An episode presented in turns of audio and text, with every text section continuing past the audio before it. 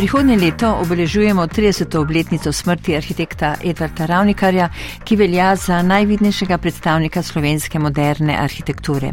Bil je plečnikov učenec, takoj po študiju njegov najožji sodelavec, kasneje pa je s projekti oblikoval svoj arhitekturni jezik in za seboj pustil mogočne sledi. V svoji izjemni dolgoletni strokovni karieri je ustvaril številne projekte, naprimer v Ljubljani, kot so Moderna galerija, Stolpnici na Trgu Republike, Cankarev dom, Maximalket, študentsko naselje v Rožni dolini in še in še bi lahko naštevala. Bil je tudi dolgoletni profesor na šoli za arhitekturo, njegova predavanja, piše Lež Vodopivec, so bila v dobrih treh desetletjih najpomembnejši dogodek na šoli. Ni predaval po učnem načrtu, ampak o temah, ki so ga mislili smiselno zaposlovale. Edvard Ravnikar ima tudi veliko zapuščino risb in skic, ki nikoli niso bile katalogizirane. Bil je tudi velik ljubitelj umetnosti in odličen slikar. Prav te fantazijske risbe in dnevniški zapisi predstavljajo najbolj intimni svet Ravnikarjeve zapuščine, trdi tudi njegova nekdanja študentka Majda Kregar. Majda Kregar, kaj je bil Edward Travnikar kot arhitekt in človek, kako ste ga vi doživeli? Ja, arhitekt Travnikar je vodilna osebnost slovenske arhitekture v času modernizma. To mu vsi priznamo. Kot človek je bil pa tako, brezkompromisen, neodvisen.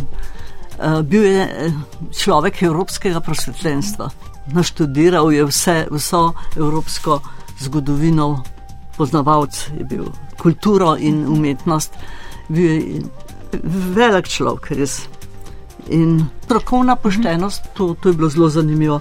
Mu je naredila eno imunost pred vsemi političnimi pritiski tistega časa. In to je bil njegov velik problem. Delati za velika naročila, ki so vsa navezana na politiko. To smo mu pomagali rešiti v praksi, ne, da smo hodili na sestanke na mesto njega. Dobesedno. Dobesedno ja. Zdaj, ko govoriva pa o risbah, bi rekla, da je risal neprestano.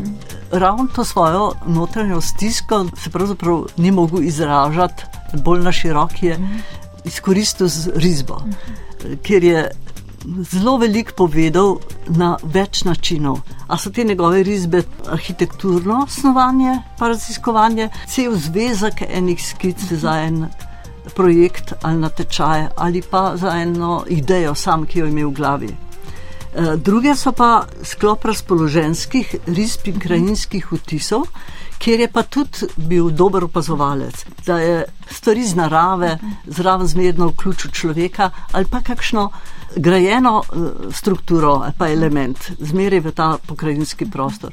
To je zelo lepo opazovati pri teh skicah, ki jih je na stotine in stotine, ker je risal na vse mogoče načine. To se pravi na vse papirje, kar je imel pred sabo, ali eno kuverto, ali eno kopijo načrta, ali bel papir, ali časopisni papir. Kakršno koli pisalo je imel v roki, ali ostro, ali tanko ali barvasto. Z vsem je poskušal v biroju, pa na fakulteti, ali pa zjutraj, ko je vstal zelo zgodaj, je risal pa sam. Ti si pa mečkam bolj strukturirano, malo bolj načrtno risal. Se vidi po risbah, kako so izdelane, malo bolj natančno. Tega je veliko.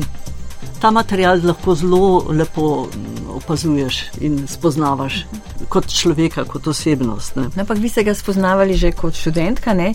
in ja. v zapisu njegovega študenta Aleša Vdopilca. Berem, da so bila njegova predavanja v obdobju treh desetletjih najpomembnejši dogodki na šoli in da ni predaval po nekem ustaljenem učnem načrtu, ampak eh, o temah, ki so njega osebno miselno zaposlovali. Ne? Tako lepo se je izrazil. Predavanja njegova so bila res zanimiva. Zanimivo je bilo to, kako jih je pripravljal, da je pravzaprav eh, sam na en mečken film narisal s tušem, kar hoče povedati, eno skico, o kateri je govoril. To se mi zdi, da je bilo zelo, zanimivo. In eh, pa smo mu mi dejali to v okvirčke in poslušali ne, ta predavanja. Je res bila tišina, sto procentna, vsi smo napeli v šesa. On je mal govoril, tudi mal predaval, ampak tiste je bilo res, res veliko vredno. ker so bile teme bistvene za premišljanje v arhitekturi, analitično. Veliko je bilo znanja v tistih diapozitivih in v teh njegovih besedah. Zato smo se vsi tega zelo dobro zapomnili. Jaz sicer osebno sem zelo veliko delala v njegovem eh, seminarju na projektih in sva se tako lepo pogovarjala čez mizo. Zelo velik, ker sem bila dobro, dober poslušalec. je zelo rad kaj povedal, ker množice mu nekako niso ustrezale in se zelo rad osebno pogovarjal. Ki je videl, da, da te zanima, pa da, da srkaš malo to njegovo znanje. No, se tudi nekaj berem, da je trdil, da arhitekt mora biti tudi filozof in da mora imeti že v sebi izdelane nazore. Ne? Ja, on je bil filozof, absolutno tudi. Ne? In je tudi prebral vso filozofijo tistega časa, kar se je dobil. On je pravzaprav združil svoje znanje s tem, kar je, kar je pridobil na Dunaju, v Dunajski šoli pri Wagnerju, pa pri, ja, pa pri Le Corbusier. Francosko in nemško je zelo lepo razumel, združil eno tako evropsko mišljenje in dodal svoje tako originalne komponente premišljanja. Ne. No, če se vrnemo zdaj k njegovim skicam, risbam, njegovem likovnem delu, ne, je, je francoski arhitekt Le Corbusier celo objavil risbo alžirskega nepotičnika, ne, ja. pod katero se je on podpisal ER, ne, Tranikar, ja. ker drugače ni bil omenjen v tem kontekstu. Ne. Ja, eh, sploh Le Corbusier zelo cenil uh eh, -huh. njegovo risbo in ga je poskušal zadržati. Je rekel, sicer Corbusier si moral plačati, da si lahko delal pri njem. Pol, ko je hotel jeti čez pol leta, ko je bilo leto 1939 in se je tukaj se je videl, da bo vojna, se je hotel vrniti, pa ga je prosil, da bi ostal tam, pa da bi ga vzel v službo, da bi risal, da bi skupaj delala. Zelo sta se spoštovala, bi rekla. E, takrat je bilo to v Evropi veliko vizije, znani so iz celega, cele Evrope k njemu hodili v atelje. Plečnik ga je pa tudi zelo cenil in ga je tudi poskušal obdržati, ampak ravni, kar je, je začel delati sam na tečaje, brez njega in sta se razšla predvsej tako napeto, ker je, je bil kar mal ljubozumen plečnik na, na ravni, ker je videl, da ima res talent eden od zelo redkih, tako dobrih risarjev. Plečnik je zelo cenil risanje. Najbolj poetične pa pravijo so ravnikarjeve fantazijske risbe in prav te risbe ja. in ti dnevniški zapisi so nekako najbolj intimni del uh, njegove zapuščine. Ja, so. Pripravljamo knjige o teh. Uh, to zdaj le, ker je bo pri Outsideru šlo, je namečkana publikacija, uh -huh. en, en nastavek temu, kar bi sledili.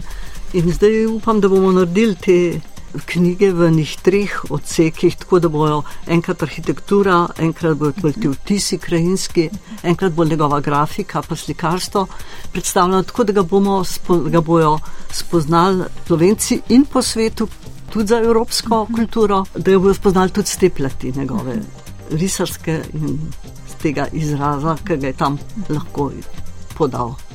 V bistvu je že kot mečken risal.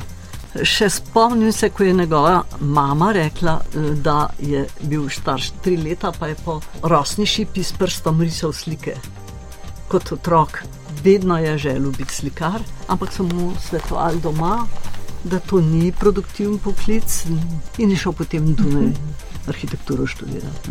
Tudi v Parizu, ko je bil pri Le Corbusierju, tam, kjer je on stanoval, v tisti hiši, je stanoval tudi leže slikar in je hodil k njemu na, na vaje, ker je imel večerno šolo. Na risanje. Ja, mhm, in mhm. je še v enih njegovih zapiskih napisal, kako mu je žal, da ni to bolj sistematično počel. Da je raje zabušaval pa po Parizu, špaciral na mestu, da bi priležal študiral.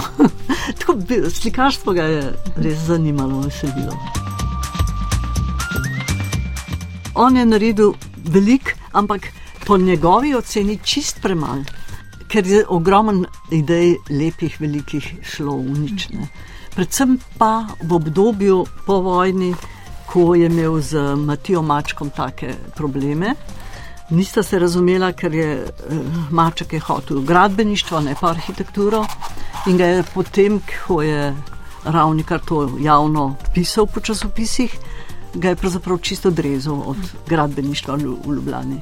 In takrat je bila ena velika travma in luknja za njega. Tudi v, v Novi Gorici mu je preprečil, na obali, ki je imel krasen urbanizem pripravljen. Posod so mu. Tako rekoč zapirali vrata. Zapirali vrata.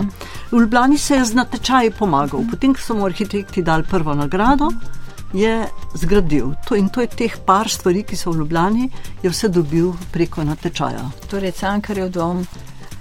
Trg revolucije, Cankarjev dom, Ferratov vrt. Uh -huh. Z natečajem je dobil tudi kostnico, uh -huh. kot prvi svoj natečaj, ne pa še druge, tudi inštitut gozdarski, študentsko naselje, kar v Ljubljani, v Ljubljani bili, vse, kar je dobil, je dobil na tečajih. Majda Kriger, kaj pa je bila vaša diplomska naloga? Je bila pa urbanizem bleda in okolice. Uh -huh. To je bila ena, ena lepa, velika naloga, uh -huh. ki, s kateri se je tudi uh, ravni kar precej po svetu in sva skupaj to naredila, ampak ni ostal realiziranega čisto nič od tega na bledu.